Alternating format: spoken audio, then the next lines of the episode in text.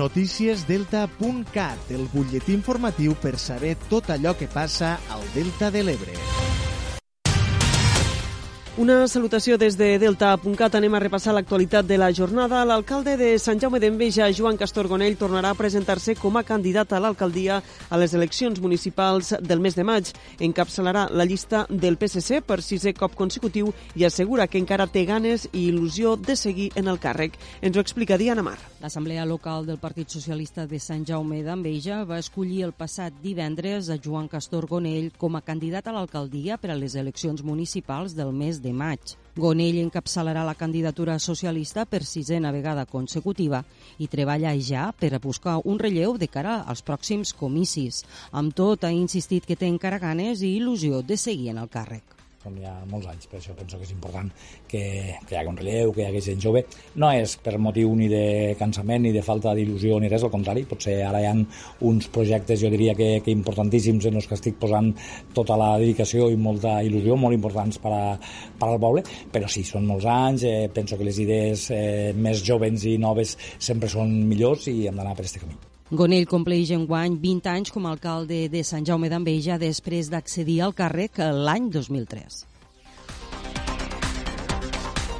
I a l'Ampolla, Esquerra Republicana de Catalunya ha fet públic que Josep Fabra i Curto encapçalarà la candidatura Millorem l'Ampolla Acord Municipal.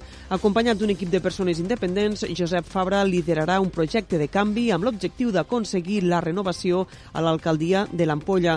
Asseguren que és el moment de l'entrada d'aire fresc al consistori per canviar de forma de governar i donar un nou impuls al municipi. Josep Fabra treballa en el manteniment i venda d'embarcacions i gestiona l'aplicació nàutica EasyPort, de la qual qual n'és soci fundador. A més, és una persona molt implicada en el món associatiu del municipi. Ha estat durant molts anys membre de la Junta Directiva de la Confraria de Pescadors de l'Ampolla i també de la Federació Provincial de Pesca.